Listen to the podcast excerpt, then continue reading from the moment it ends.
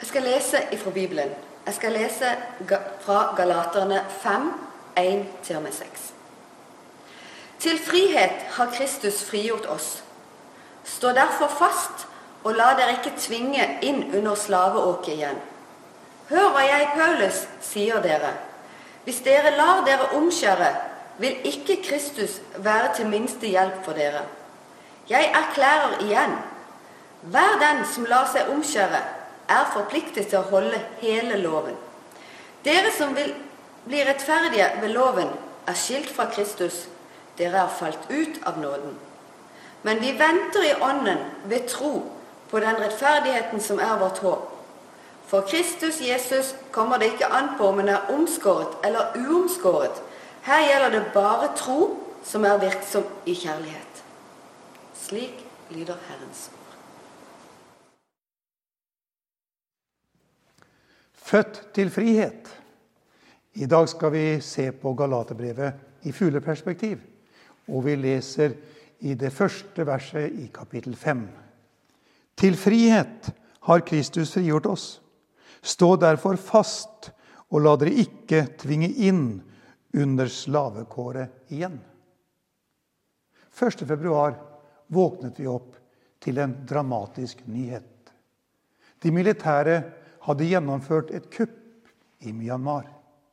Generalene hadde tatt makten og avsatt de som var valgt av folket. Et lignende kupp fant faktisk sted i den første kristne menighet. Judaistene, de som mente at man måtte holde loven i tillegg til å tro på Jesus, de hadde gjort et kupp i den kristne kirke. De hadde kommet inn og forsøkte å overbevise de troende om at nåden er ikke nok. Dere må gjøre noe i tillegg. Dere må omskjæres. Da kom Paulus som en frigjører eh, og forkynte nei, langt derifra. Det er nok med nåden. Og Derfor kan man også si at en overskrift på Galaterbrevet ville være 'nåde pluss ingenting'. Paulus kom de kristne til unnsetning. Galaterbrevet. Et av de viktigste brev i Det nye testamentet.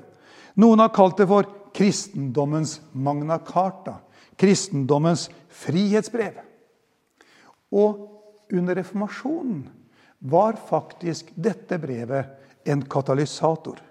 Martin Luther, reformasjonens far, han elsket Galaterbrevet. Og han mente at det var det viktigste av alle Bibelens bøker. Ja, faktisk sammenlignet han sin kjærlighet til denne boken med kjærligheten til sin hustru Katarina. Og han sa brevet til galaterne er mitt brev. Det er som, jeg, som om jeg var gift med det. Det er min Katarina. Vi skal se på dette brevet i fugleperspektiv. Kapittel 1. Der slår Paulus fast det finnes kun ett evangelium. Og Han forteller hvordan han hadde mottatt dette evangeliet med direkte åpenbaring. Ikke gjennom noe menneske, men han hadde fått det direkte fra Gud selv. Da han var alene i sitt hjemland i Tarsus, i sitt hjemområde, og han fikk dette ved åpenbaring. Og han slår fast der i begynnelsen av kapittel 1. Det undrer meg at dere så raskt vender dere bort fra ham som har kalt dere ved Kristi nåde til et annet evangelium. Men det finnes ikke noe annet. Det er bare noen som forvirrer dere og vil forvrenge Kristi evangelium. Og Paulus er ramsalt. Han sier, 'Dere uforstandige galatere, hvem er det som har forgjort dere?' Og han tar et skikkelig oppgjør og understreker det finnes bare evangelium. Så i kapittel 2 går han virkelig til kamp for evangeliets frihet. Han forteller hvordan han reiste opp da han hadde fått sin åpenbaring om evangeliet. reiste han opp til Jerusalem for å legge det fram for de apostlene som var der. Han kaller de litt eh, spydig de såre, store apostler. Eh, noen oversetter det faktisk med superapostler. Og så fører han til hvor store de er, kan være det samme for meg. Gud gjør ikke forskjell på folk. Og så forteller han hvordan han presenterte sitt evangelium for apostlene, og de tok imot det. Men så oppdaget han at selv blant apostlene var det hykleri.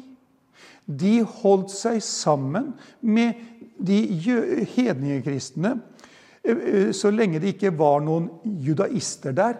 Men så fort det kom noen fra eh, de som virkelig ville forvalte jødiske, den jødiske utgaven av evangeliet, så begynte de å hykle. Så han måtte ta et skikkelig oppgjør med Peter. Han refset ham rett opp i ansiktet. Og mot slutten av kapittel 2 så kommer han med disse fantastiske ordene. Ved loven døde jeg bort fra loven, så jeg kan leve for Gud. Jeg er korsfestet med Kristus. Jeg lever ikke lenger selv, men Kristus lever i meg. Det livet jeg nå lever som menneske av kjøtt og blod, det lever jeg i troen på Guds sønn, som elsket meg og ga seg selv for meg. Jeg forkaster ikke Guds nåde, for hvis vi kan oppnå rettferdighet ved loven, da døde jo Kristus til ingen nytte. Kapittel 3. Der understreker Paulus hvordan loven fordømmer oss. Og han viser med seks punkter at nåden langt overgår loven. Det første Galaterne ble frelst ved tro, ikke ved loven. Derfor står nåden over loven. For det andre Abraham, som levde før loven, ble frelst av tro. Derfor står nåden over loven. For det tredje loven kan ikke rettferdiggjøre. Den bringer bare fordømmelse. Derfor står nåden over loven.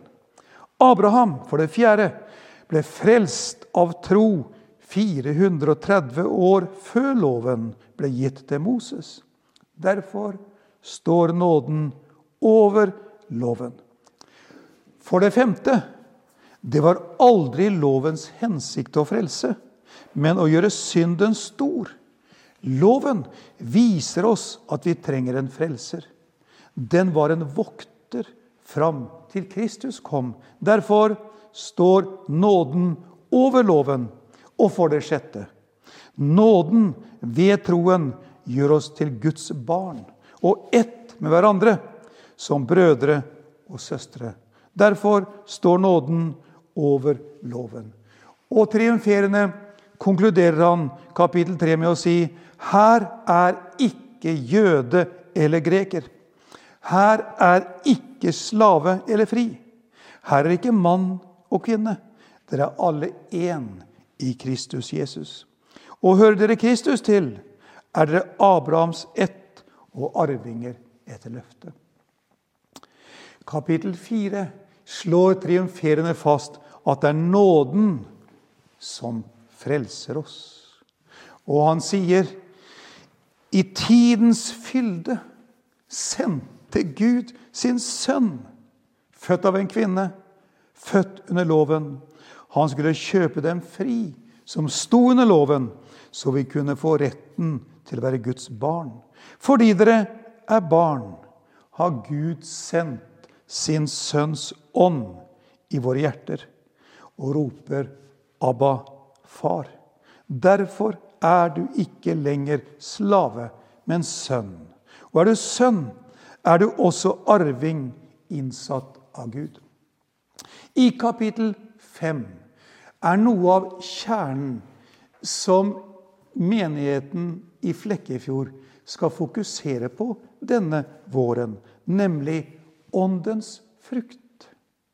Og han begynner der i kapittel 5 med å si når vi er født på nytt av nåde ved tro og har fått del i det nye livet, så la oss leve ut det nye livets egenskaper. Åndens frukt er ikke vår frukt. Det er ikke vår, våre egenskaper, men det er det forvandlede livet som viser seg. Det vi har mottatt på innsiden, det kommer til syne på utsiden. Eh, og han sier at vi som kristne er kalt til frihet. Men det innebærer ikke at vi er frifrie rebeller som kan gjøre som vi selv vil. Tvert imot. Vi opplever en indre åndens disiplin som langt overgår den ytre disiplinen som menneskebud kan få til. Vi er altså frie til å leve et liv i kjærlighet, under åndens ledelse i tjeneste for andre. Åndens frukt.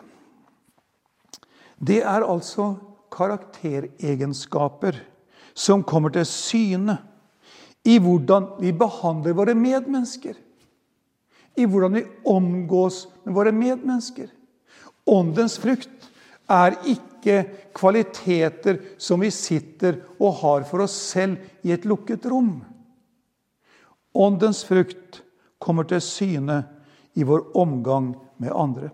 Frukt er ikke noe vi kan lage. Frukt blir ikke til ved egen anstrengelse. Ingen kan lage epler eller plommer eller bananer. Frukt er resultatet av en prosess som tar tid. En prosess som kan være full av overraskelser, faktisk. Det, og det kreves tålmodighet for at denne frukten skal komme til syne. Jesus sier 'bonden venter tålmodig på jordens grøde'. Og nettopp fordi det er en tidsdimensjon mellom når man sår, når man tar imot det nye livet, og når man høster, så er det lett for å se forbi denne tidsdimensjonen.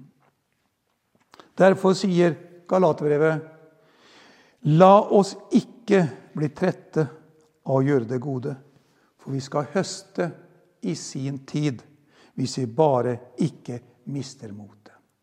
Kapittel 6 er en triumf som forteller hvordan denne åndens frukt kan komme til syne. Så derfor er overskriften for kapittel 6 Hjelp hverandre. Og han minner oss om at stolthet går forut for fall. Og så forteller han hvordan vi kan tjene våre medmennesker. Hjelpe andre ved å bære deres byrder. Og også å støtte de som forkynner evangeliet. Paulus er praktisk. Eh, støtte de som forkynner evangeliet, slik at de har det de trenger. Og til slutt hvordan vi kan hjelpe andre ved å tjene dem med rene motiver. Galaterbrevet et fantastisk brev. Nå har vi sett litt på det i fugleperspektiv, og vi skal få anledning denne våren til å se litt nærmere på dette brevet. Himmelske Far, hellig oss i sannheten. Ditt ord er sannhet.